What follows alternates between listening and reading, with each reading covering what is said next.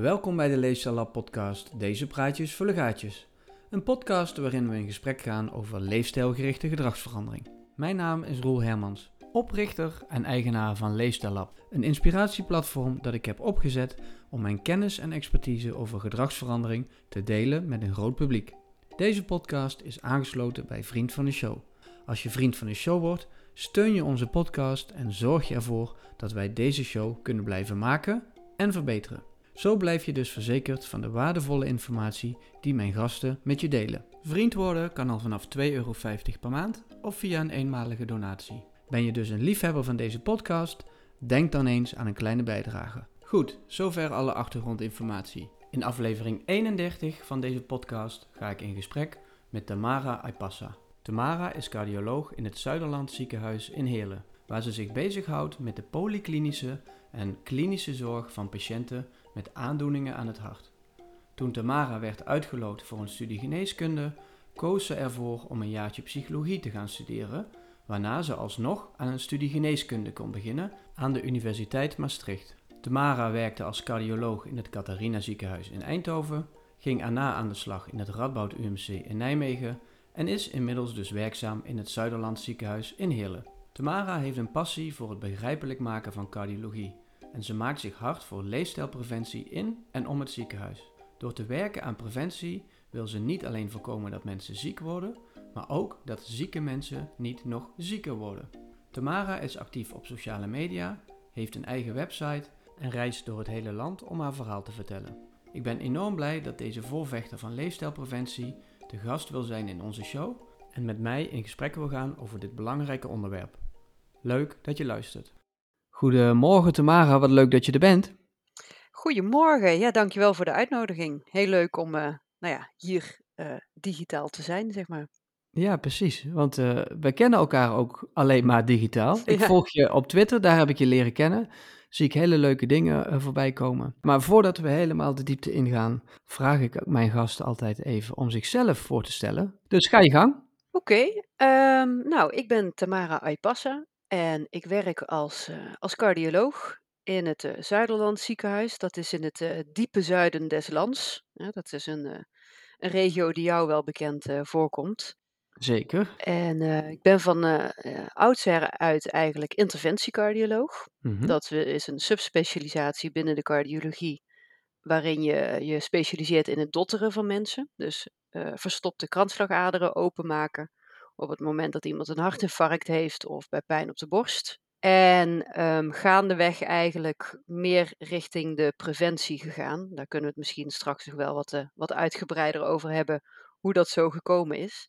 Dus ik noem mezelf op dit moment meer preventiecardioloog. Mm-hmm. En um, ja, daar, uh, daar ben ik heel erg uh, blij mee met die transitie. Daarnaast um, heb ik, ben ik getrouwd, heb ik twee kinderen, twee jongens. En hou ik zelf heel erg van, uh, van sporten en uh, buiten bezig zijn in de natuur. Het liefst ook uh, vakanties en reizen maken richting diezelfde natuur, de bergen in. Daarnaast vind ik het nog heel erg belangrijk om, om preventie en mijn vakgebied ja, meer bekend te maken bij het, het, het gewone publiek, zeg maar. Dus niet specifiek zorgverleners, maar ook gewoon de gewone mensen om de hoek. Ja, superleuk.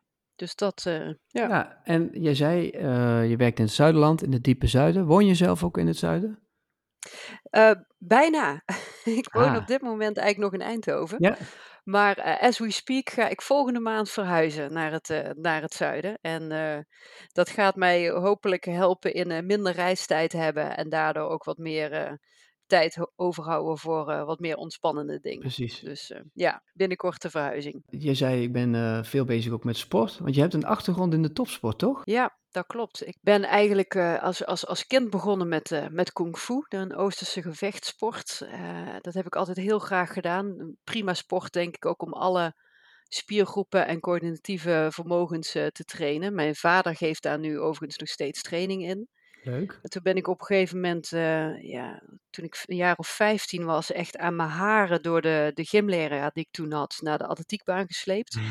Want die had echt zoiets van, jij moet atletiek doen. En ik dacht toen, nou ja, weet je, prima, waarom niet? Ja, sport is sport, hè? Sport is sport, ik vind het allemaal best. En uh, de atletiekbaan in Maastricht, je kent hem misschien, is ook een van de mooiste, mooist gelegen atletiekbaans in Nederland aan de voet van de Sint-Pietersberg. Dus dat was helemaal, helemaal geen straf. Nee. En ehm, nou ja, de, de, de, gymleraar leek er toch wel oog voor te hebben gehad. Want ik vond het A heel erg leuk en uh, kon ook wel mijn vrouwtje staan uh, daarin.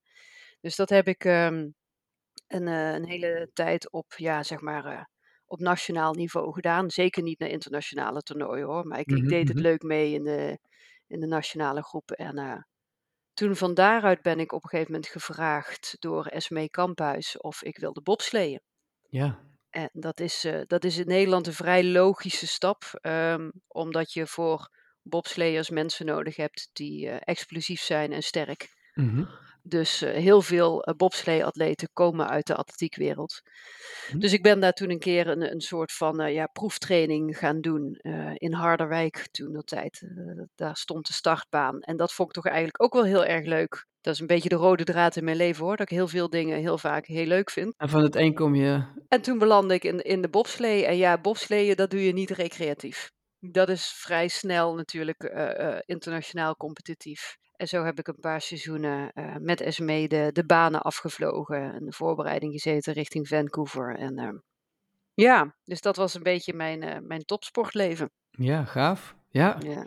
En nu ben je topsporter in het ziekenhuis. Ja, ja dat is ook wel, qua commitment kan je dat ook wel topsport noemen. Ja, dat precies. was dan ook op een gegeven moment niet meer te combineren. Nee. Het, het sporten en, en op een gegeven moment kon ik ook in opleiding gaan tot cardioloog. Ja. Dat is wel het punt waarop je een bepaalde keuze gaat maken van uh, zeg maar de grote levensvragen, waar ga ik heen met mijn leven? Dus toen heb ik op een gegeven moment het sporten vaarwel gezegd, of althans het competitief sporten en uh, gekozen voor uh, de maatschappelijke carrière, dus het worden van cardioloog. Ja, ja want hoe, probeer ik me een beetje een voorstelling van te maken, maar hoe ziet jouw werkweek er eigenlijk uit als cardioloog in zo'n ziekenhuis? Ja, nou, misschien wel belangrijk daarin om te zeggen is dat ik op dit moment dus niet meer praktiserend interventiecardioloog ben. Mhm. Ehm, dat heeft ermee te maken, net als met iedere ja, hè, handvaardigheid, want dat is dotteren natuurlijk uh, zeker, moet je daar een aantal procedures per jaar doen om die vaardigheid te behouden. Mhm. En uh, in principe zou ik het nog prima kunnen.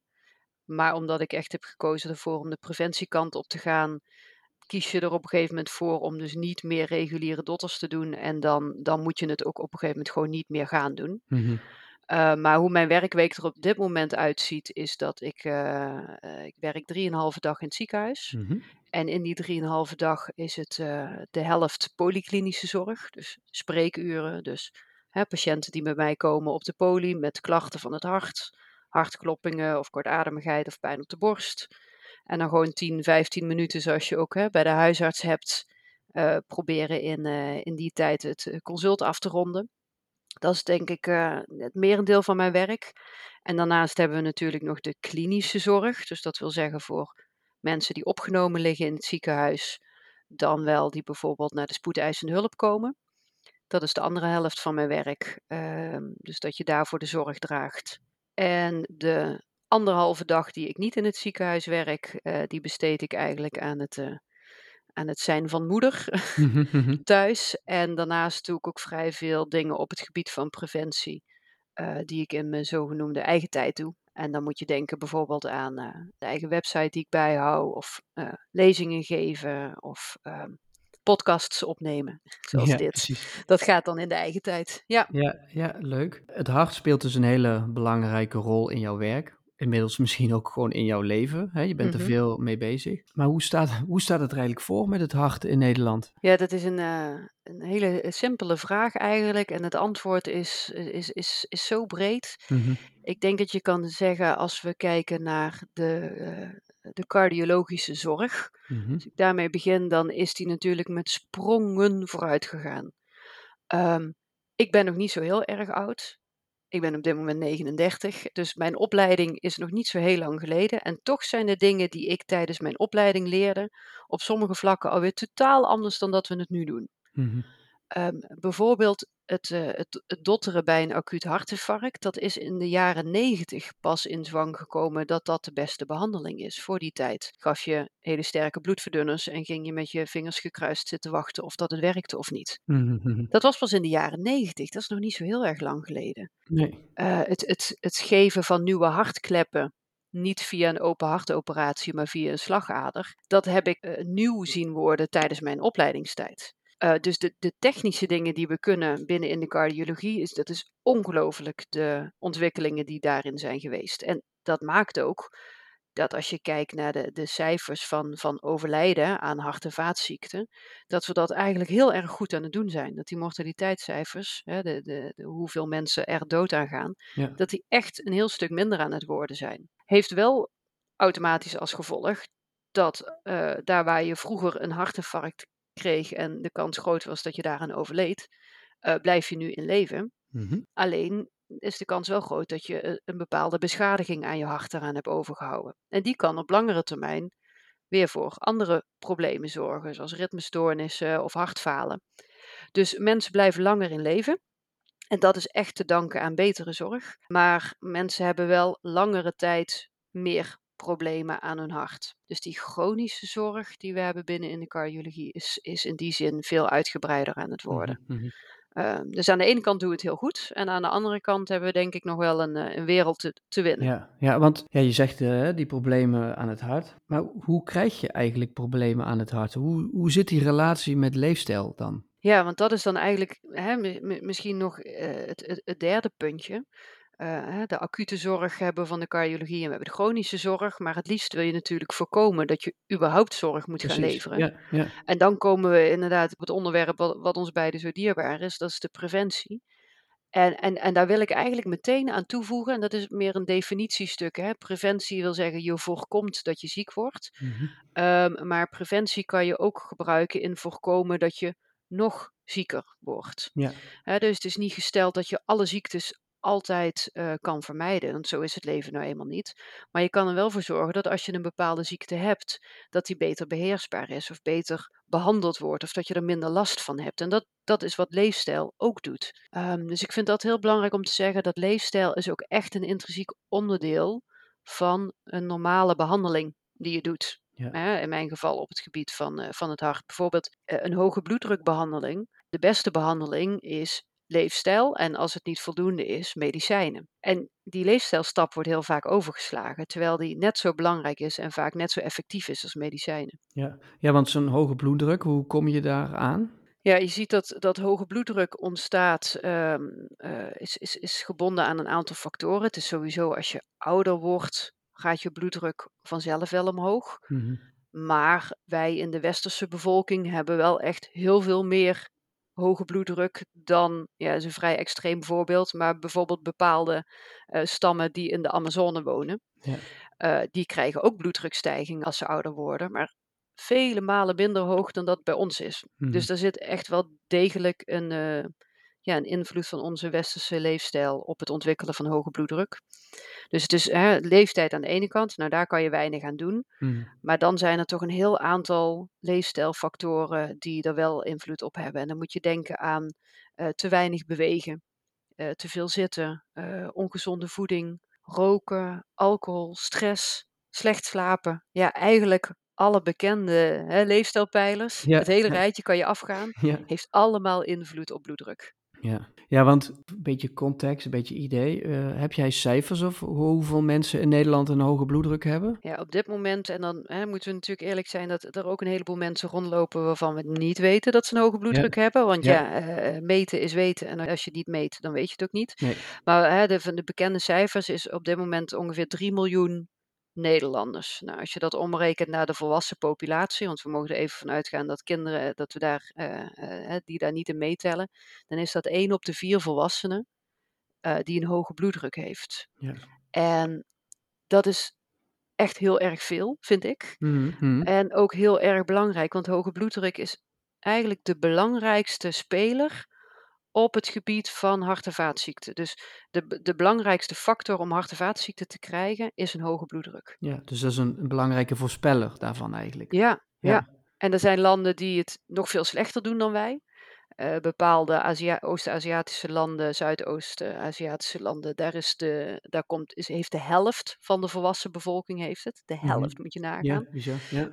Maar goed, er zijn ook wel landen die het beter doen dan wij. Maar ja, ik, ik vind persoonlijk één op de vier. Ja, kijk maar eens in, uh, hè, het gemiddelde clubje waar je zit, of kijk maar eens op de, bij de collega's op de werkvloer en tel maar eens hoeveel dat er statistisch dan dus, dus zijn. En dat vind ik toch hele grote getallen. Ja, dan heb je best veel kans dat je aan de koffieautomaat staat met iemand met een hoge bloeddruk. Ja, ja, ja absoluut. Precies, precies. En, en dus het risico dat er een keer iets op het werk mis zou kunnen gaan, bijvoorbeeld. Ja, ja. ja. ja als je daar op die manier over na gaat denken, dan is het inderdaad wel schrikbarend. Ja. Nou ja, precies. En weet je, dat, dat is vaak, vind ik, met risicofactoren, die worden, uh, ja, uh, soms benoemd zonder dat we echt beseffen wat het eigenlijk betekent.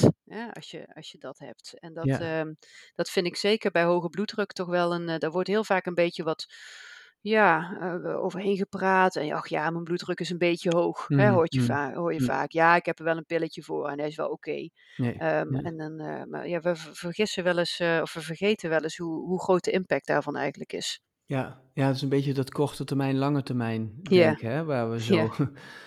goed in zijn om dat met name bij de korte termijn te houden en die lange termijn even voor ons uit te schuiven. Yeah. Maar daar hebben we het natuurlijk wel ook over hè, bij hart- en vaatziekten, want het is in die zin dan een soort sluipmoordenaar. Absoluut. En dat is ook precies dat gesprek heb ik heel vaak in de spreekkamer. Want ja, dan meet je een hoge bloeddruk. Daar voel je niks van nee. als patiënt zijn. Hm. Ja, tenzij die echt torenhoog wordt en dan dat je echt in de gevarenzone komt en je moet ervoor naar de eerste hulp. Um, maar dat zijn de uitzonderingen. Hè. Het, het, het, absolute merendeel van de mensen heeft een te hoge bloeddruk zonder dat ze daar last van hebben. Hm. Um, wat dus betekent dat als je dat gaat behandelen, dan doe je dat niet om je op dat moment beter te gaan voelen. Nee. En dat is wel eens lastig, want als jij hoofdpijn ja, hebt precies. en je neemt paracetamol, gaat je hoofdpijn weg. Ja. Nou, dan hoef ik jou niet te gaan motiveren om die paracetamol te nemen. Dat zie je zelf ook wel. Ja. Uh, maar bij bloeddruk is dat natuurlijk heel anders. Want ja, dan zie je misschien als je zelf bloeddrukmetingen doet thuis, zie je misschien dat de cijfertjes omlaag gaan op het moment dat je je medicijnen neemt en aan je leefstijl werkt. Maar ja, je voelt je er geen haar beter van. -hmm. Sterker mm -hmm. nog, die medicijnen die kunnen er misschien voor zorgen dat je er bijwerkingen van krijgt, dus dat je je slechter gaat voelen. Ja. Nou, dan moet je best wel een bepaalde motivatie hebben van binnen om dat toch te blijven doen, elke dag maar weer, met het vooruitzicht dat je dan over tien jaar ja. minder kans hebt op hart- en vaatziekten. Ja, precies. Ja. ja, ik snap dat wel, dat mensen daar moeite mee hebben. Nee, precies. En zeker als uh, um, die dingen in die, in die leefstijl, zoals drinken of roken, um, of ongezond eten uh, belonend is. Ja, Krijg je dat is meteen natuurlijk... het goede gevoel van. Juist, ja, ja, ja, ja. En dan, hè, ik, ik, ik hoor ook wel eens vaker mensen zeggen, ja, ik mag ook helemaal niks meer. Nee, precies. Hè, dat, Ja. en, en, en dan is het zo, ja, dan word, ben ik de boeman hè, als Ja. dokter, want Ja. ik vertel dat ze moeten stoppen met roken of minder moeten drinken. En, en eh, gaan ze mokken naar huis toe van, nou, ik mag allemaal dingen niet meer van de dokter en ik moet allemaal dingen doen die, waar ik eigenlijk helemaal geen zin in heb. En dan zeker als mensen dan thuiskomen in een omgeving waar, dat, eh, hè, waar het eh, bijvoorbeeld gewoon is om bepaalde ongezonde eh, dingen te doen. Want eh, de, de uitspraak die ik misschien nog wel het meest hoor bij mij is op de poli is, ja, maar wij zijn nou eenmaal Bourgondisch. Hmm, Hè? En, in en, en het Bourgond, zuiden, ja, precies. ja, ja, ja, precies. Ja, En, en, en Bourgondisch wil zeggen gezelligheid, met elkaar samen zijn, eh, samen dingen doen. En, en daar ben ik ook absoluut niet op tegen. Die Bourgondische leefstijl is, is geweldig. ja, precies. Maar heel vaak is het dan tegelijkertijd ook daarbij de gefrituurde dingen en met z'n allen zitten en, en te veel wijn drinken. En, Precies, ja. ehm, is hartstikke mooi. Ik denk, hè, het zou zelfs een soort van onderdeel kunnen zijn van een blue zone. ja, Hè, maar ja, gren- grenzeloos eh eh Bourgondisch zijn. Dag in, dag uit, wanneer het je maar uitkomt, zin hebben in, en dat dan ook meteen vertalen in gedrag. In, Ja, in, in vette kaas en wijn en eh, nou, noem het maar op. Ja, dat is wat minder handig voor je gezondheid. ja.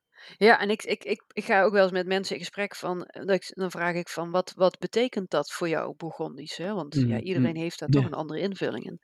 En eh, dan hoor je vaak, ja, samen met vrienden en familie en eh, weet ik veel, samen een voetbalwedstrijd kijken. En, en dan vraag ik wel eens van, en die bitterbal, als die er niet zou zijn, mm, hè, is het dan een stuk minder gezellig? Of is het dan, eh, wa- wa- wat is nou het belangrijkste? Is het eh, de gezelligheid? Is het het eten? Is het het drinken?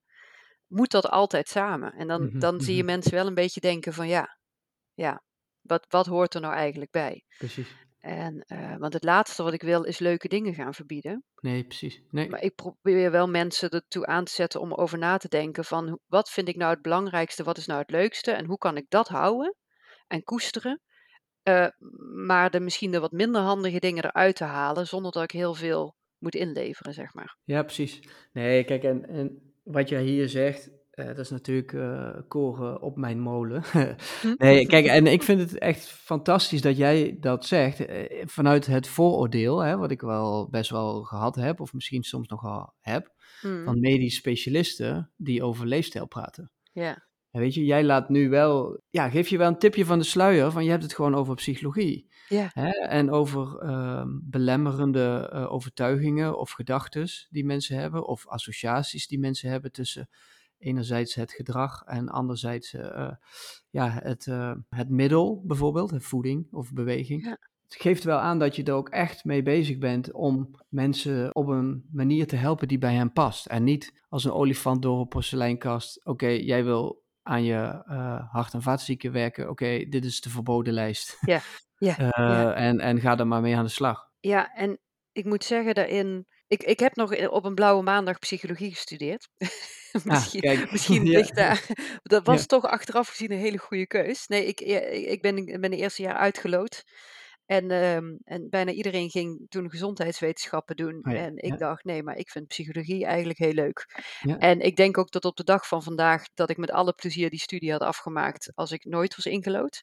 Mm -hmm. um, maar goed, dus ik heb dat een jaar gedaan. Daarna, daarna loodde ik wel in voor geneeskunde. En, en die psychologie ging, raakte nou, helemaal op de achtergrond. Want als we heel eerlijk zijn, in de geneeskundeopleiding wordt erg weinig tijd aan gedrag of psychologie besteed. Ja, precies. Wel psychologie in de zin van hè, uh, depressie en angsten en, en de meer mm -hmm. ja, klinische uh, kant. klinische pathologische kant. Maar gedrag, daar hoor je eigenlijk niks over. En um, ik heb dat ook nooit uh, gevoeld als daar zit een probleem dat we dat niet leren. Totdat ik op een gegeven moment bedacht van, goh, die leefstijl, ik weet er eigenlijk zo weinig van. Ik vind het heel erg belangrijk, ik wil daar wat meer over weten. Ja. En toen ben ik dus de opleiding tot leefstijlcoach gaan volgen.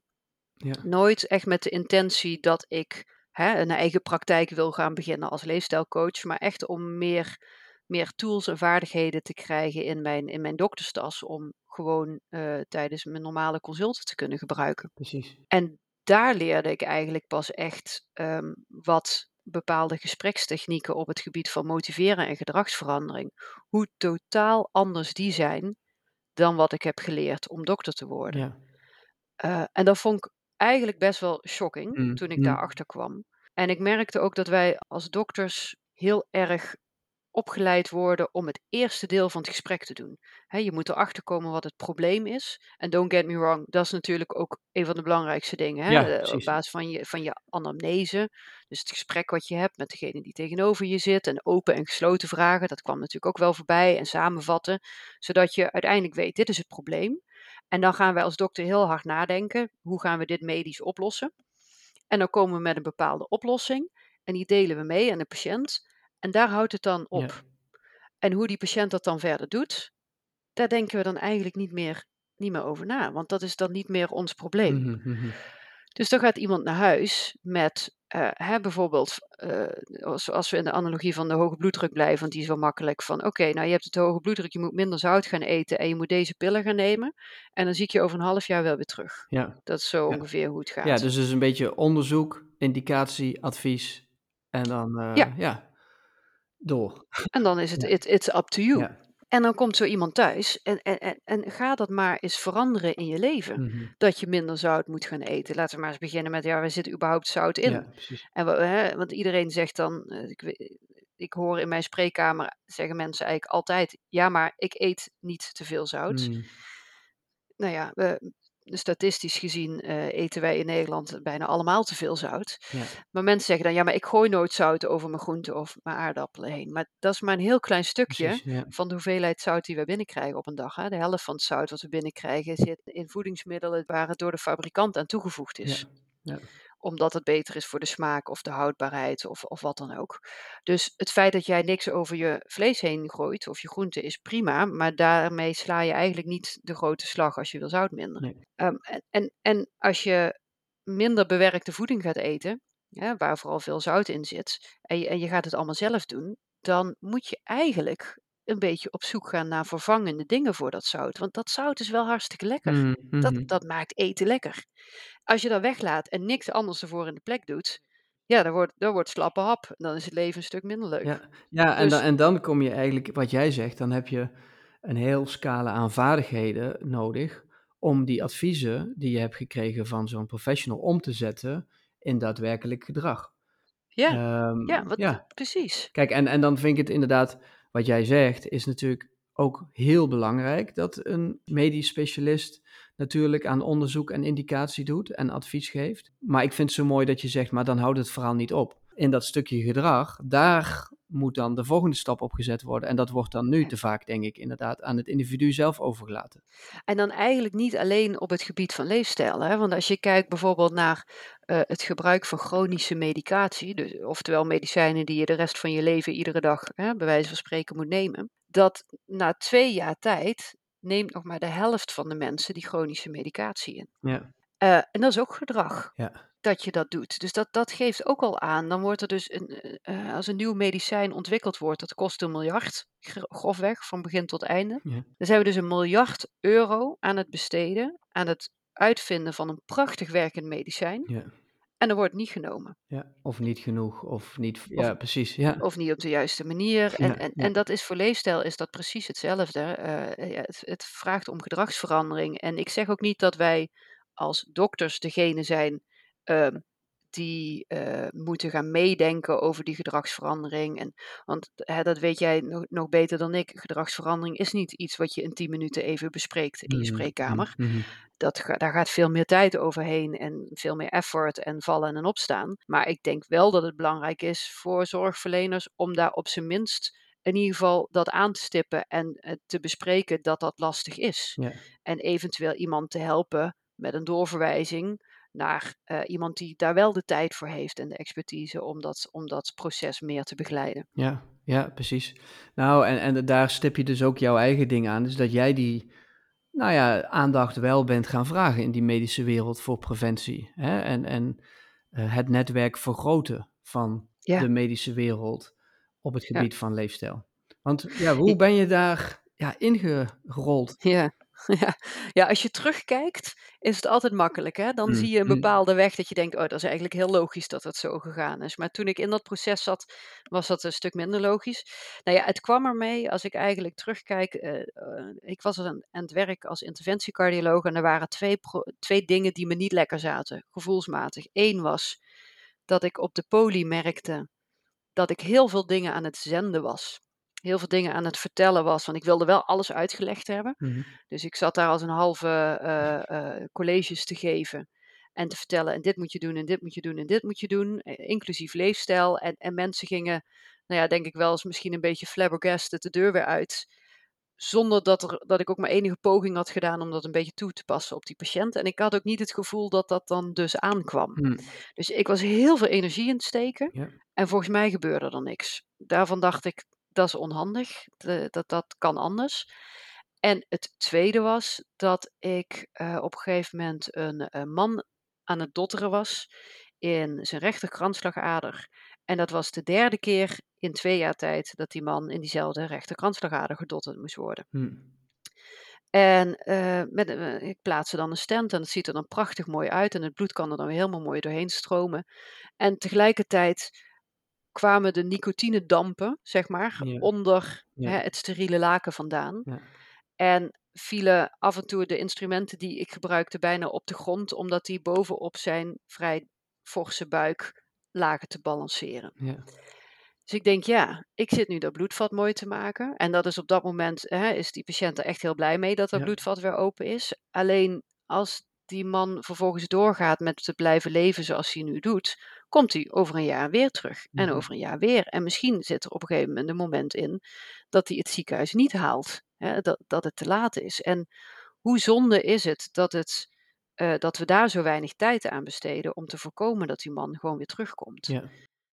Nou ja, en, en die twee dingen bij elkaar maakten dus dat ik daar me op een gegeven moment meer in ben gaan verdiepen. En, en eigenlijk bij alles zie staan in, in onze guidelines, hè, de, onze guidelines, uh, richtlijnen dat is een soort van um, een consensus. Dus dat we met z'n allen hebben afgesproken van nou, als, als je het zo doet, je behandeling en je diagnostiek, dan doe je het in principe goed. Beetje de, de, de, de standaard. Ja. En, en in die standaard, bijna bij alle cardiologische aandoeningen, staat als eerste stap in de behandeling leefstijl. Mm. Bij allemaal. Mm. Met een keiharde wetenschappelijke onderbouwing. Vaak nog een betere wetenschappelijke onderbouwing dan alle pillen die daarna gaan komen. Ja. Ik denk, hoe is het toch mogelijk dat daar dat we met z'n allen overeen zijn gekomen dat dat stap 1 is en het is het beste bewezen en ik krijg daar in mijn opleiding eigenlijk bijna niks over geleerd. Nee. Dat is toch dat is raar. Nee. Um, dus ja, dat, dus het triggerde mij op persoonlijk vlak dat ik dacht, ik mis echt dingen. Ik heb het idee dat ik niet, mensen niet volledig aan het helpen ben. En dat ik ook zag, wetenschappelijk gezien is het gewoon bewezen dat het echt nuttig is. Ja, en dat, uh, dat zijn voor mij de drijfveren geweest om daar meer, uh, meer me in te gaan verdiepen. Ja, ja knap.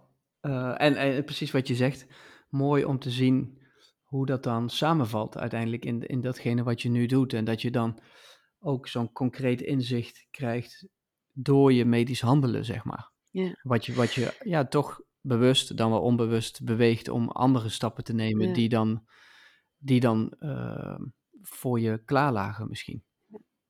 Ja, kijk, en weet je, als interventiecardioloog ben je een vrij praktisch ingestelde dokter. Hè? Bloedvat zit dicht, moet open. Dat, dat, is, lekker, dat is lekker simpel. En ik merk dat ik, ik heb dat met, met leefstijl, heb ik dat net zo. Het, het praktische. Kijk, dat, Um, ik ben heel erg blij dat er hele slimme mensen in de academische ziekenhuizen zitten, in de universiteiten, uh, die, die, die, die het geduld en de kennis hebben en de bagage om, om helemaal uit te filteren en uit te zoeken. Wat is het dan precies aan leefstijl wat wel werkt en wat niet werkt? En hoe zit het dan met bewegen en met zitten en dat soort dingen? Ja. En ik vind het dan een, een uitdaging om echt een vertaalslag te maken naar de praktijk. Van oké, dus we hebben die al die kennis en kunde. We weten wat er moet gebeuren. En hoe ga ik er nou voor zorgen, samen met de patiënt die in de spreekkamer zit, dat hij al die kennis en kunde ook echt kan gaan toepassen in zijn eigen leven. En um, ja, daar hou ik van om dat te doen. En daarom ben ik ook zo blij met, hè, met, met podcasts zoals jij ze maakt. Um, want ja, ik zie daar uh, een, een, hele grote rol voor richting, richting iedereen om, om daar uh, medische kennis in, uh, in te verspreiden. Ja, ja, ja, ja, ja. Ja, dus, dus wat ik las op jouw website uh, is dus ook echt dat cardiologie begrijpelijk maken, zodat je er ook iets mee kunt doen. Het klinkt heel simpel, maar ik denk dat, dat we dat soms nog wel eens, uh, soms gewoon nog wel eens overslaan en uh, te veel op cijfers hangen. En, en te weinig op wat het nou precies betekent in, in iemands leven. Want um, Um, iedereen is anders. En, en sommige, dat, uh, dat, dat, dat weten we allemaal. En sommige mensen hangen heel erg aan cijfers. Die vinden het heel fijn om te horen hoeveel procent kans heb ik op zo, zo en zo. En als ik dit doe, wat betekent dat dan? Hm. Um, maar er zijn ook heel veel mensen die, het, het merendeel van de mensen, die die cijfers, ja, daar niet zoveel mee kunnen. En ja, bedenk je ook maar eens, ja, als je hoge bloeddruk hebt, dan is de kans dat jij over tien jaar een hartinfarct krijgt, is 10 procent. Ja, wat, wat betekent dat dan ja. voor, voor iemand? Ja. Um, uh, dus dus um, ja, ik vind, daar zit ook zeker wel de uitdaging in. Om te kijken, ja, maar hè, wat betekent dat voor jouw leven? En ik zeg vaak bijvoorbeeld tegen mensen, nou, uh, rondom de pensioenleeftijd. Dus, hè, dat is een leeftijdsgroep die ik vrij veel zie. Uh, en dan vraag ik van, nou, waar, waar beleef jij de plezieren aan in je leven? En ik had op een gegeven moment iemand die zei van, nou, wij gaan, uh, we gaan een camper kopen, want we gaan binnenkort met pensioen over vijf jaar. En dan wil ik uh, lekker met mijn vrouw uh, en de camper naar Zuid-Spanje en dan wil ik daar wandelingen kunnen maken en dit en dan dat. En die man die had overgewicht en suikerziekte en hij had COPD en een hoge bloeddruk. En toen heb ik ook tegen hem gezegd van, ja, maar de kans dat jij over vijf jaar fit de Spaanse bergen in kan, is niet zo heel groot als jij op deze manier door blijft gaan met, met, met leven zoals je het nu doet. Hm. Dus ik heb het dan helemaal niet over die 10% kans op hè, bla bla bla. Maar wat kan jij, wat heeft het voor invloed op jouw leven? Mm -hmm. En dat is, uh, nou, ik vind dat sowieso als mens interessant en leuk om te horen van andere mensen. Maar ik denk dat het ook belangrijk is als zorgverlener om daar tijd aan te besteden. Ja, nou en wat ik jou net hoor zeggen is dat je daar dus zelf ook een enorme ontwikkeling hebt doorgemaakt.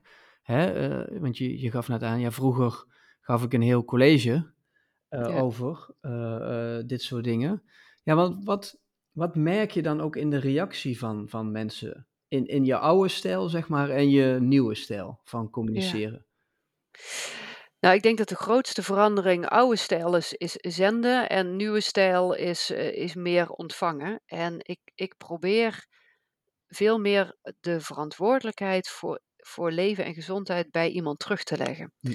En wat ik daarmee bedoel is het volgende. Het is uh, ja, van oudsher is het zo, patiënt heeft een probleem, komt bij de dokter, de dokter gaat het probleem oplossen. Ja.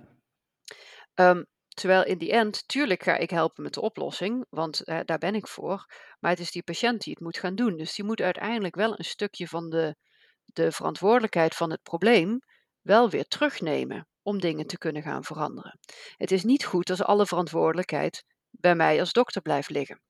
Want als jij dan, uh, als we het hebben over uh, bijvoorbeeld bewegen, en ik zeg tegen iemand van nou, het is verstandig uh, voor, je, voor je gezondheid als je meer gaat bewegen.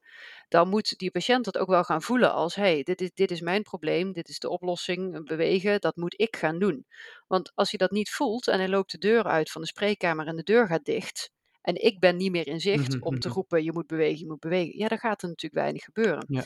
Dus het, wat het verschil in de praktijk maakt, is dat ik veel meer vragen stel uh, aan mensen hoe ze dat zouden zien in hun eigen leven. En ook vooral, en dat heeft mij zelf heel veel gemoedsrust gegeven, hoe ver wil jij gaan in je leven gezond te maken? Daarmee bedoel ik, ik voel, ik voel me soms best bezwaard om alle pillen voor te schrijven die volgens mijn guidelines goed zijn. Hmm. Ik weet wetenschappelijk gezien dat iemand, uh, als die zijn cholesterolverlager en zijn bloeddruktablet en zijn suikertablet, als hij dat allemaal netjes neemt, is de kans veel groter dat hij uh, uh, langer leeft. Dat weet ik. Mm -hmm. En toch weet ik dat heel veel patiënten helemaal niet blij worden van pillen. Dat zeggen ze ook vaak. Ja. Uh, ik ben niet zo van de pillen, moet er nou weer eentje bij. En, en vroeger voelde ik die, die strijd echt bij mezelf. Mm. Ik had daar last van, zeg maar. Mm. Uh, terwijl ik alleen maar het juiste probeerde te doen voor die patiënt. Nou, wat ik, wat ik nu doe, is dat ik vraag aan mensen van, goh, hè, er zijn een aantal behandelingen die we kunnen doen, die ervoor zorgen dat je langer gaat leven. Maar de vraag is aan jou, wil je dat soort dingen gaan doen? Ik vergelijk het wel eens met verzekeringen. Sommige mensen willen alles verzekeren, omdat ze bang zijn dat er iets misgaat. En sommige mensen denken, nou ja, wat komt, dat komt, dat zie ik dan wel weer. Mhm, mhm. En de mensen die zeggen, nou ja, wat komt, dat komt. En ik, ik leef liever uh, uh, zonder pillen. Uh, weet je, helemaal prima. Mm En dan hoef ik niet meer te gaan zitten duwen van je moet dit, je moet dit, je moet dit. En dan, dan zeggen we gewoon, oké, dit is de manier waarop jij je leven leidt. Prima, en dan ga ik daarin mee. Mm Maar iemand die tegen mij zegt, nee, maar ik wil er echt alles op alles stellen. Want ik wil mijn kleinkinderen zien opgroeien. Of ik heb zo'n horrorbeeld van mijn moeder die heel erg ziek is geweest. Dat wil ik nooit hebben. Ik wil er alles aan doen om dat te voorkomen. Dan zeg ik, oké, maar dan hoort daar ook bij dat er medicijnen genomen worden. En ja, dat is ook weer een stukje van eigen verantwoordelijkheid nemen. Ja, precies. Ja, ja en wat ik je hoorde zeggen, dat eerste stapje van leefstijl niet overslaan in, uit die guidelines eh, om meteen de stap te maken naar medicatie, maar dus ook het gesprek aan te kunnen en durven gaan over leefstijl. Ja, en dat is zo belangrijk. Weet je, er kwam laatst kwam er echt een supermooi onderzoek uit. Hebben ze gekeken naar mensen met een hartinfarct. Die krijgen vaak best wel veel pillen hè, uh, direct na het hartinfarct. En ze hebben gezien dat het, het effect, dus het positieve effect van de drie belangrijkste medicijnen die we dan geven, ongeveer hetzelfde effect is als stoppen met roken. Oftewel, als jij niet stopt met roken na je hartinfarct, kan je bij wijze van spreken de drie pillen de deur uit doen. Het, hè, dus, zo werkt het natuurlijk niet, want het is en-en. Ja. Ja. Maar qua, qua effect, dat je denkt, van, moet je dus nagaan wat je, wat je zelf dus kan bereiken. En ik wil niet uh, chargeren, stoppen met roken is super moeilijk. Ja. Uh, hè, want dat zit echt in, in de verslavingshoek. Dus ik wil het echt niet makkelijker voordoen dan dat het is. Maar het is zo ongelooflijk belangrijk. En ik, ik denk wel eens um, um, ja, dat het volgens mij meer effect heeft om misschien een extra consult of misschien twee extra consulten in te plannen. Alleen om dat te bespreken. Mm -hmm. Want als dat uiteindelijk bijdraagt dat iemand daadwerkelijk gaat stoppen, dan heb je zoveel winst bereikt dat het echt wel de moeite waard is om daar uh, energie in te steken. Ja, precies. Ja, dat geeft ook aan waar de focus van de behandeling dan ook op zou kunnen liggen. Hè? Maar dat, dat is natuurlijk wel ook weer een net iets andere kijk op de zorg dan hoe het nu georganiseerd is. Ehm, Ja. Kijk, want dat stoppen met roken, dat zit dan eigenlijk niet rechtstreeks in, in jouw takenpakket. Nee. Om iemand daarbij te ondersteunen. Want wat jij zegt, dat bloedvat uh, moet verwijt Hm. worden weer. Of, Ja, of dat is je Dat taak. open. Ja. Ja. Ehm, maar precies wat je zegt met dat onderzoek, dat laat wel zien van ja, misschien als we toch wat meer tijd zouden hebben om iemand op de juiste manier door te verwijzen naar het stoppen met roken. Of Ja. ja, bij te staan bij het stoppen met roken. Dan is die volgende stap al wat minder belangrijk. Ja. Eh, die, die, die medicatie. Maar ja, het is een heel eh, complexe interactie natuurlijk. Ja, en, en, en het is ook, als je kijkt naar dat stoppen met roken bijvoorbeeld. ro- roken is in die zin een hele makkelijke leefstijlinterventie. Je rookt of je rookt Ja, niet. precies, aan uit. Hè? Ja. Precies, het is niet je eet een beetje gezond. Eh, Nee. Voeding is daarin veel, veel complexer, want er Ja. zitten veel meer grijstinten in. Ja. Plus met voeding weten we soms ook nog niet altijd wat is nu eigenlijk gezond en wat niet. En van roken is ook onomstotelijk bewezen, roken is slecht. Ja. Punt. Ja. En dat weten alle rokers ook. Ik heb, ben nog nooit een roker tegengekomen die zegt: nee, maar roken is, dat is, eh, dat is Mhm, hartstikke gezond. Hm. Dus in die zin is roken gewoon een hele prettige leefstijl. eh, interventie om het over te hebben, want we weten allemaal wat het zou moeten zijn. Ja. En bijna elke roker die ik spreek, is ooit wel eens gestopt. Ja. Dus, dus je bent het daar allemaal over eens. En, en eh, hoe, je, hoe je stopt moet roken, daar zitten ook nog wel wat variaties in. Hè? Gedragstherapie of eh, pleisters of bepaalde pillen. En sommige mensen kunnen gewoon cold turkey in één keer zeggen: ik stop en die zijn gestopt. Dat is Ja. absoluut het kleinste deel overigens van de mensen. Mhm, mhm, mhm. Ehm, maar zelfs dat stoppen met roken krijgen we eigenlijk niet voor elkaar om dat in ieder geval vanuit het ziekenhuis gestroomlijnd te regelen. Stoppen met rokenpolies, die gaan in ieder ziekenhuis gaan die eruit omdat het financieel gewoon niet handig is. Is te duur. Ja. Of in het ziekenhuis waar ik nu werk is de wachttijd zeven maanden geloof ik. Ja, Ja, ja, precies. als ik, als ik net een iemand, bij iemand een beetje de motivatie heb gevonden om te zeggen ik stop en dan moet ik zeggen ja je moet Ja, zeven maanden wachten, is natuurlijk drama. Ja. Dus, dus dan zeggen we verhuizen, verwijzen naar de huisarts daarvoor. En eh, de huisarts en zeker de praktijkondersteuner zijn er ook absoluut equipped voor om dat te doen. Maar ja, dan, dan moet die patiënt daar wel weer de afspraak voor gaan Precies, maken. er zit er weer een, een schakel tussen. Zit weer ja. een schakel tussen. En, en dan moet je ook eerlijk zijn, je moet ook wel weer een huisarts treffen die Ja. dat ook net zo belangrijk vindt. Alhoewel de meesten dat wel echt vinden hoor. Maar Mhm. die moet daar dan ook weer de tijd voor Precies, hebben. Want dat is het, ja.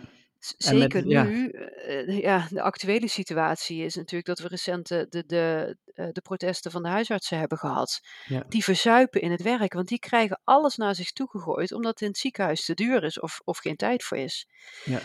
Dus ik voel me dan ook bezwaard als specialist. Hè, dat ik zeg in het ziekenhuis, je moet stoppen met roken. En de patiënt zegt, ja, dat is goed. En dan heb ik eigenlijk niks om naar te verwijzen op zo'n moment. Mhm. Nee, precies. En dan op elk tijdspad wat ertussen zit, wordt het voor mij als, als stopper, of Ja. mogelijk stopper, makkelijker om weer een sigaret op te steken. Precies, precies. En, en eh, met het verstrijken van de tijd daalt de motivatie, ja, die in eerste instantie zo warm was in die Ja. medische context, door die eh cliënt-therapeut behandeling. Ja, Ja, dat dus dooft ik- dan weer uit en dan moet het weer opnieuw aangewakkerd worden. Ik bedoel, die motivatie is waarschijnlijk nooit die is helemaal er weg. wel. Ja, Ja. maar die moet weer eventjes opbranden. Ja. En juist in zo'n warme periode wil je iemand meteen de juiste hulp geven en meteen spijkers met koppen kunnen slaan, zodat iemand aan zijn gedrag kan gaan werken. En niet inderdaad die, die ja, uitdoofperiode.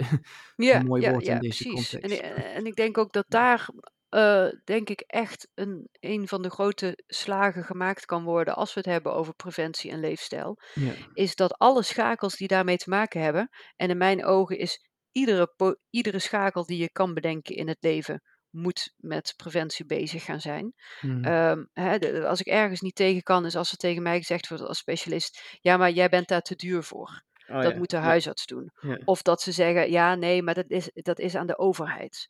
Of het Mhm, is aan de werkgever. Of de scholen moeten het doen. En dan zit iedereen elkaar een beetje elkaar de, de rokende doos toe te schuiven. Daar word ik echt woest van als ik dat hoor.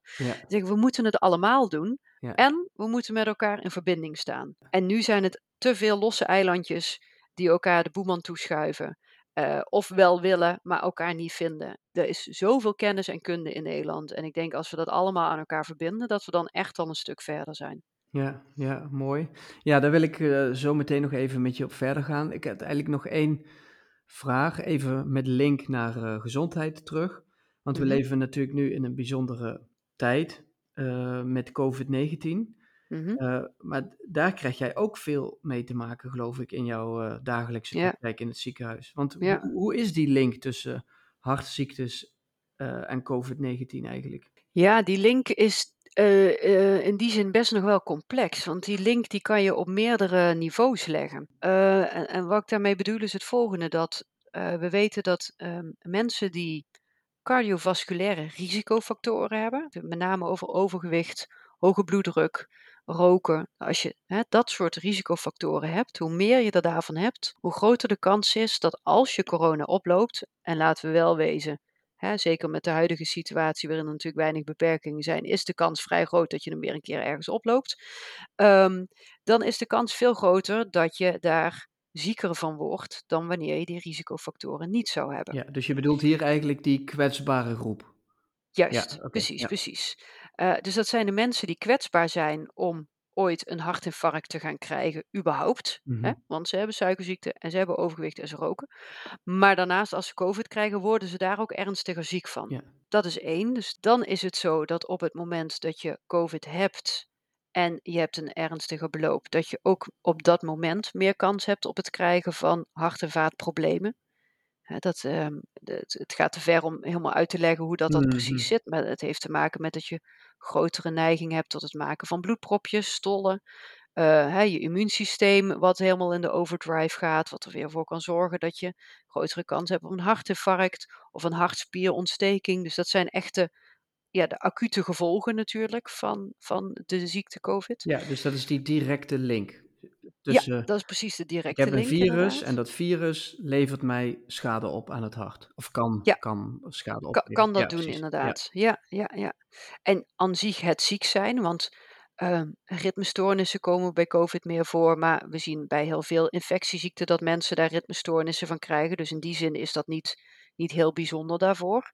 Maar het is natuurlijk wel een onhandige combinatie als je al iemand hebt die al een hartziekte heeft en COVID en dan die ritmestoornis krijgt, ja, dan, dan, dan wordt het wel lastig voor het lijf om daarvan te herstellen. Hm, hm. Nou ja, en dan heb je eigenlijk ook nog natuurlijk het, het, het indirecte effect, waar we nu uh, ja, uh, steeds meer ook naar aan het kijken zijn. Dat je bijvoorbeeld ziet dat met name tijdens de lockdownperiodes mensen veel meer zijn gaan zitten. Hm, hm er werd wel meer gewandeld, dat is op zich positief. Hè? Laten we daar ook de, de, de positieve punten benoemen. Maar er werd meer gezeten. En zitten aan zich is ook alweer een risicofactor. Ja. En ja, in mijn spreekkamer, ik heb tegenwoordig een nieuwe standaard vraag erbij. Hoeveel kilo ben je aangekomen in coronatijd? Ja, precies. Ja. En bijna iedereen is kilo's aangekomen. En ziet die er dan maar weer eens af te krijgen daarna. Ja, zeker bij die doelgroep waar jij, hè, wat je net ook aangaf, 50 plus.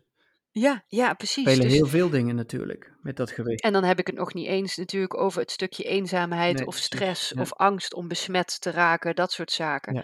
Dus dat is natuurlijk een soort van uh, ja, ultieme cocktail om ervoor te zorgen dat uh, niet de ziekte zelf, maar alles eromheen ervoor zorgt dat je weer risicofactoren maakt. En dan is COVID nu een heel specifieke ziekte die die mensen treft, mm -hmm. die je meteen ziet, heel acuut. Maar uh, de hart- en vaatziekten die het gevolg zijn hiervan allemaal, dat gaan we misschien pas over een paar jaar zien. En dat zal zich allemaal veel minder acuut presenteren. Ja. Uh, niet in grote getalen bedoel ik daarmee. Mm -hmm. Ja, en, en dan lopen we weer een beetje achter de muziek aan. Ja. En dan, ja, de laatste is natuurlijk nog de, de long COVID, hè, ja. de, de lange COVID. En daar zie ik toch tegenwoordig best wel veel mensen van op de poli. En dat vind ik persoonlijk een hele, hele lastige. Omdat we daar gewoon medisch gezien echt nog niet achter zijn wat dat, wat dat er nou precies aan de hand is. Mm. En, en hoe we die mensen verder gaan helpen. Want ik, ik zie heel veel mensen met kortademigheid maanden nog na een COVID-infectie. En dan doe ik alle cardiologische tests. En ja, dat hart is dan goed. Mm. Maar mensen zijn echt beperkt. Mm. En ja, we weten gewoon nog niet wat, dat, wat we daarbij moeten doen. Ja, en dat, eh, zijn dat dan ook die voorbeelden van mensen die dan echt een enorm hoge hartslag hebben op momenten van de dag. En eigenlijk niet weten hoe en wat? Ja, we zien inderdaad meer. Ik moet, ik moet eerlijk zeggen, dat is ook een beetje op basis van, van literatuurgegevens hè, dat ik dit kan zeggen. Het is niet dat ik ze met hordes in mijn eigen spreekkamer zie, maar inderdaad hoge hartslag, uh, weinig inspanning aankunnen, um, het, het, het, het, het wolken of wollige hoofd, hè, wat ook vaak gezegd wordt, gewoon extreme vermoeidheid, lijken heel veel links te zijn, bijvoorbeeld met chronisch vermoeidheidssyndroom. Ja. Um, ja, en dat, dat gaat echt nog een zoektocht worden. En het lastige vind ik dan aan mijn beroep als cardioloog. Ik sluit natuurlijk ik sluit uit dat het aan het hart ligt. En dat is het stukje wat ik doe in de puzzel. Maar ik kan die mensen eigenlijk niet verder helpen. En de vraag is, ja, wie, wie kan dat wel? En daar hebben we gewoon nog geen antwoord op. Mhm, mhm. Ja, nee. Nee, moeilijk. Moeilijk. Ja, dan heb ik er nog eentje uh, op dat medische gebied. Um, Wat ik mezelf ook even afvroeg, want een hoge bloeddruk en cholesterol, hoog cholesterol, dat wordt vaak in één adem genoemd. Maar gaat dat ook altijd samen of ja, hoe, hoe zit dat eigenlijk? Ja, ja, goede vraag eigenlijk. Nee, nee dat, heeft, dat gaat helemaal niet per definitie met elkaar samen. Oké. Ehm, het is, het is niet zo dat een hoog cholesterol een hoge bloeddruk veroorzaakt of vice versa. Het is natuurlijk wel vaak dat ze een gemeenschappelijke oorzaak hebben. Ja. Uh, hè? Eh, eh, veel bewerkt voedsel eten. We, hebben net even kort al aangestipt. In bewerkt voedsel daar, zitten veel verstopte suikers, vetten, zouten. Ehm, en, en bewerkt voedsel is hartstikke fijn, want het is handig mee te nemen en het smaakt lekker. En je kan er lekker makkelijk vandoor eten, de, van alle gemakken voorzien. Dus voor je het weet heb je het naar binnen gewerkt. Ehm, maar dat zijn wel dingen die ervoor zorgen dat je cholesterol stijgt, dat je bloeddruk stijgt, dat je minder goed reageert op de suikers die binnenkomen. Dus een beetje de voorloper van diabetes. Dus in die zin hebben ze natuurlijk wel onlosmakelijk met elkaar verbonden. Ja, dus dat is eigenlijk die leefstijl, die leefwijze die, die ze bindt. En niet per se dat het een tot het ander leidt, maar ze worden beide veroorzaakt door onze gemeenschappelijke passie, leefwijze. Ja, ja. En, en dat is dan ook eigenlijk meteen, vind ik, het mooie en, nou, ik wil niet zeggen het magische, maar aan leefstijlveranderingen. Dat als jij iets gaat doen uh, vanwege je hoge bloeddruk en je zegt ik ga meer bewegen, heb je tegelijkertijd door dat bewegen ook een positieve invloed op je cholesterol. Mm-hmm. En je hebt ook een positieve invloed op je suiker. En met bewegen zeker een positieve invloed voor je longen. Je krijgt er minder kanker van. Je hebt er meer uh, betere, betere gewrichten van. Dus één leefstijlinterventie kan op zoveel verschillende ziektegebieden invloed hebben. Ja. Dat kan je met één pil kan je dat nooit voor elkaar krijgen. Want mijn hoge bloeddrukpil doet helemaal niks op de cholesterol. Nee, precies. precies dus, en dan zit je dus echt op die preventie, hè, wat jij zo uh, belangrijk vindt en waar je zo hard voor wil, ja. wil maken. Ja. Uh, het is een leuk woord, ja. Nou, ja. Ik moest hem even erin gooien. ja. ja, want uh, nou ja, je, je telt er vol passie over en je bent ook in het land om die boodschap te verspreiden. En je stipt het zojuist ook al een beetje aan. Maar welke stappen, en jij zei we moeten echt nog wel wat stappen zetten, maar welke stappen ja, zouden we in Nederland ja, eigenlijk moeten zetten om nog meer impact te kunnen hebben op die leefstijl van patiënten? Of ja, überhaupt mensen voordat ze patiënt worden? Ja, um, welke stappen? Goh, ik denk om te beginnen met, als ik kijk naar mijn, mijn eigen beroepsgroep, uh, is het uh, belangrijk dat er veel meer echte aandacht voor komt. En niet alleen maar gaan zeggen, preventie vinden we belangrijk, want mm. dat is heel makkelijk gezegd, maar dat er vervolgens ook daadwerkelijk stappen worden gezet om daar dan dus ook iets mee te doen. En dat betekent ook gewoon financiële investeringen doen. Want daar loopt het nu heel vaak op mis. Hè? Want ja, als je preventie doet, je ziet niet meteen wat de positieve effecten zijn. Dus is iedereen een beetje huiverig om daar de portemonnee voor te trekken. Mm-hmm. Ja, ik vind dat die fase zijn we nu echt wel al lang voorbij. We moeten gewoon, daar moet geld voor vrijkomen en dat moet gewoon op een goede manier geïnvesteerd worden. Zodat uh, mijn collega's en ik ook daadwerkelijk de tijd en de ruimte krijgen om mensen te gaan helpen daarbij. Ja. Ehm, en wat ik in het begin zei, dat hoef ik niet per definitie in de spreekkamer te doen, maar ik moet er wel de tijd voor krijgen om te zien of iemand motivatie heeft en vervolgens ook het netwerk om me heen hebben om mensen daarvoor te kunnen verwijzen. En misschien nog wel één stap eerder, dat mijn beroepsgroep, en dan noem ik het eventjes alle zorgverleners, ook gewoon doordrongen moeten zijn van het feit dat die leefstijl zo belangrijk is, dat die op stap 1 staat in de guidelines. Want er, er zijn echt nog mensen die non-believers zijn. die mm, echt mm. zeggen van ja, daar ga ik mijn tijd niet in steken. Nee, ja. dus, dus dat van, vanuit de, de zorg gezien. Ehm, ik denk waar ze nu bijvoorbeeld mee bezig zijn, ook in Limburg, is die, de, de gezonde basisschool. Ja. Uh, ja, dat soort initiatieven vanuit overheidsinstanties, dat, dat vind ik geweldig. Dat we beginnen al bij de basisschoolleerlingen om daar dingen die met een gezonde leefstijl hebben te integreren in hun dagelijks leven. Want uiteindelijk wil je dat je dagelijks leven, zonder dat je er heel erg bij na hoeft te denken, gewoon gezonder wordt. Dat de keuzes die je maakt op een dag makkelijker gezond worden dan dat ze ongezond zijn. En op dit moment is dat omgedraaid. Als, als ik hè, het ziekenhuis uitrij en ik, eh, op dit moment moet ik nog een uur rijden en ik denk halverwege, oh jongens, ik heb zo'n ontzettende honger en ik moet ook nog tanken, ja. ja, dan ga je voor de bel. Want probeer maar eens in een tankstation iets gezonds te krijgen. Dat is echt onmogelijk. Ja. Ehm, dus de default moet veel eerder worden dat een keuze gezond is. Mensen zeggen ook wel eens, ja, maar de overheid mag niet te betuttelend zijn die mag niet gaan voorschrijven dat ik gezond moet eten. En dan denk ik, oké, dus de overheid mag niet betuttelend zijn, maar we vinden wel allemaal oké dat we met reclames in de luren worden gelegd om allerlei frisdranken te kopen. Mhm, mhm. Dat, dat, dat is dan wel oké. Mhm. Eh, dus, eh, ja, dus daar vind ik, daar zit echt wel een rol voor de overheid in om te zorgen dat gezonde keuzes gewoon makkelijker worden. Ook voor mensen met een kleine beurs, want daar hebben we het helemaal nog niet over gehad. Maar dat is denk ik nog wel de groep die uh, ja, waar we ons het meeste zorgen over moeten maken. Mensen die financieel wat minder bij te zetten hebben, dat is ook de groep mensen voor wie het veel lastiger is om gezonde keuzes te maken. En dat zie je ook terug in de cijfers, dat die mensen het op het gebied van hun gezondheid ook echt slechter doen. Ja, precies. Ja, ja, ja. Ja, dus meer aandacht voor leefstijl als eerste stap in de guidelines. Hè? Dus het, het, het, mhm. eigenlijk het overhalen of het meenemen van je beroepsgroep in de aandacht voor leefstijl.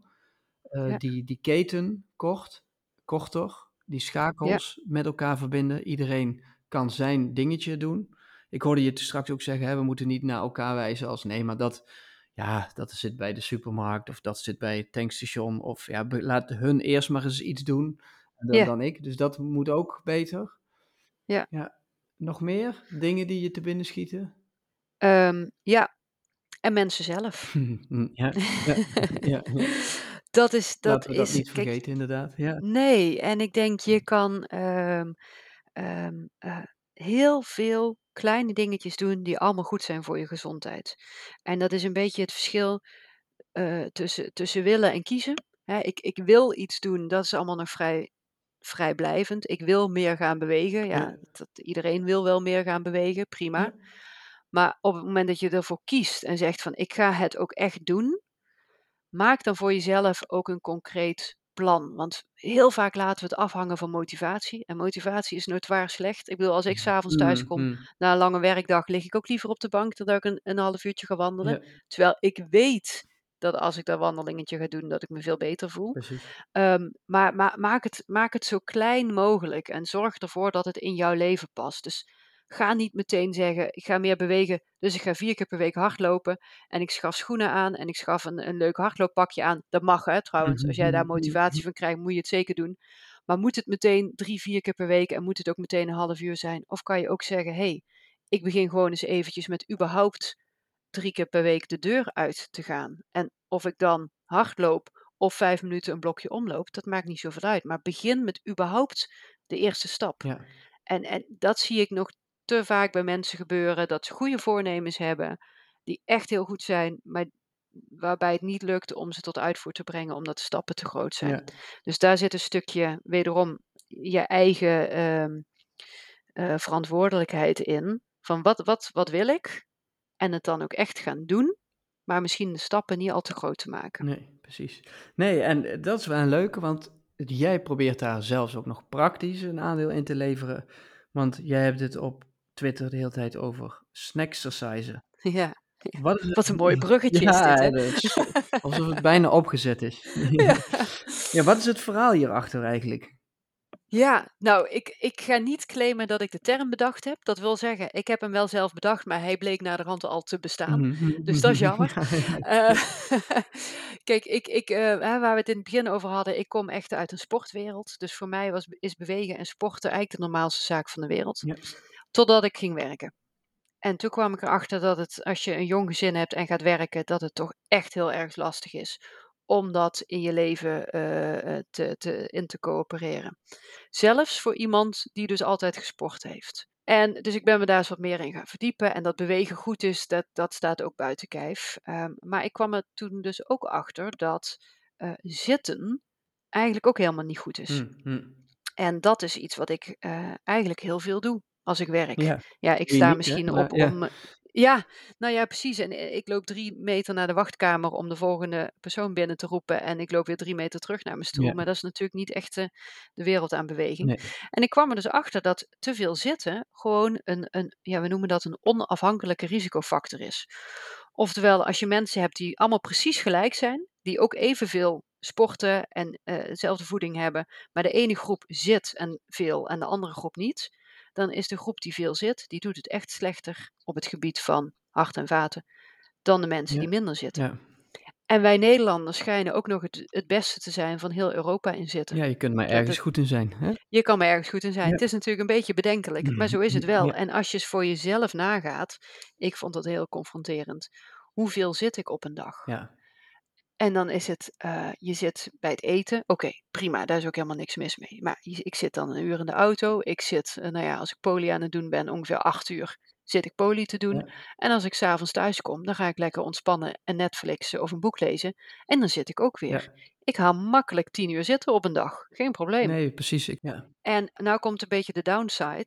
Als jij twee keer per week sport, dan uh, daarmee ben je niet opgewassen tegen negatieve effecten van veel zitten. Nee, en dat denken we wel met z'n allen. Oh, maar ik sport twee keer in de week. Ja. Precies. Ik ga dadelijk kijken weer eventjes goed tegenaan, lekker zweten. En dat is ook goed, hè, want dat is weer het andere stuk van bewegen. Ja, ja, maar dat zitten, en dat is natuurlijk iets wat je, waar je niks voor nodig hebt om, hè, om daar wat aan te veranderen. Hè. Dus minder te zitten en meer te staan of liefst nog echt te bewegen. Je hebt, dat kost niks.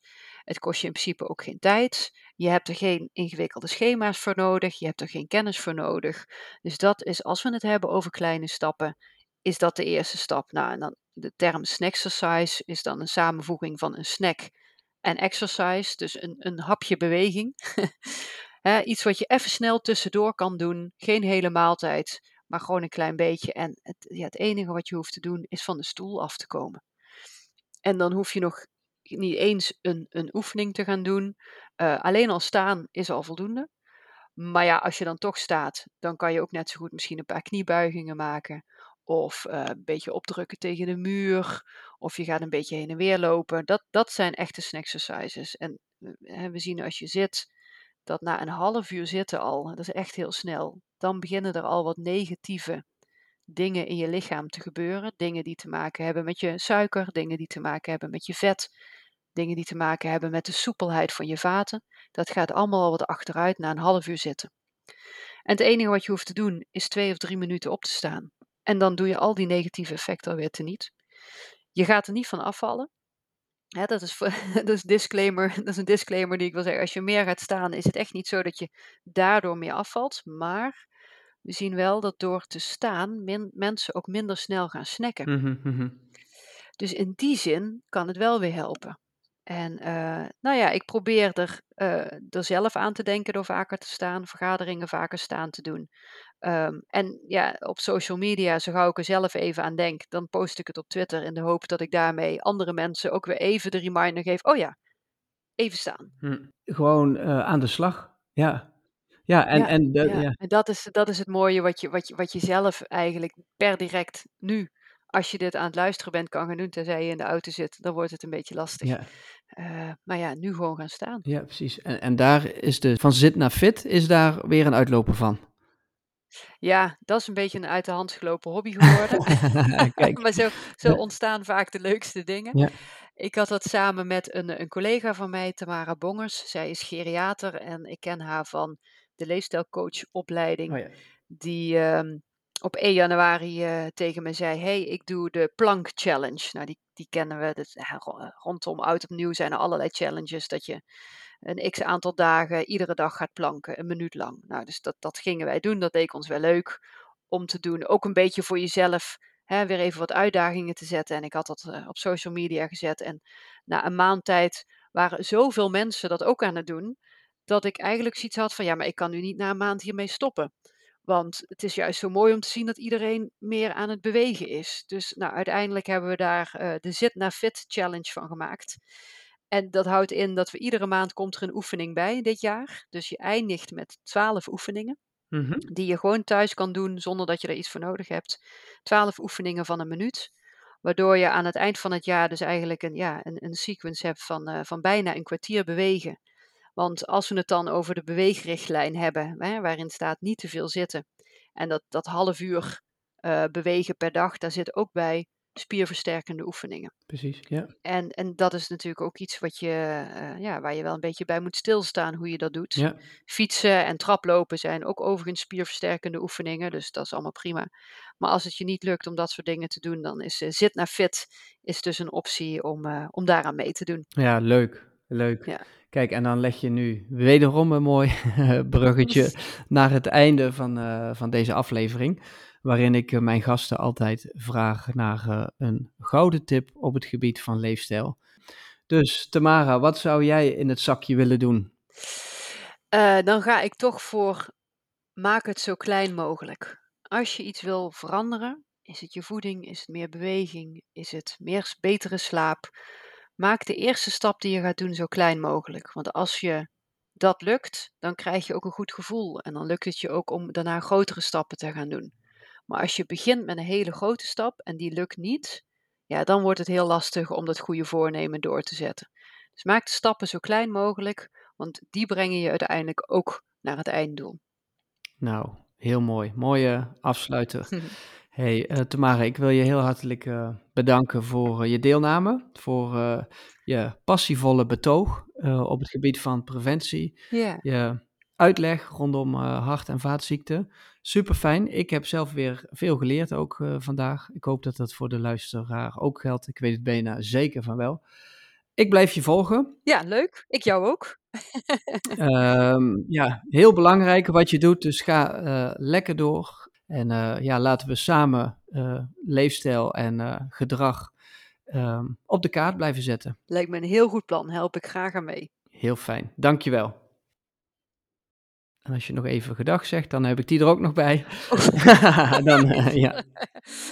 Um, uh, wat, wat ik gedacht? Uh, ja, dankjewel dat ik hier was uitgenodigd. En tot ziens. Yes, hey, doei doei. Doei.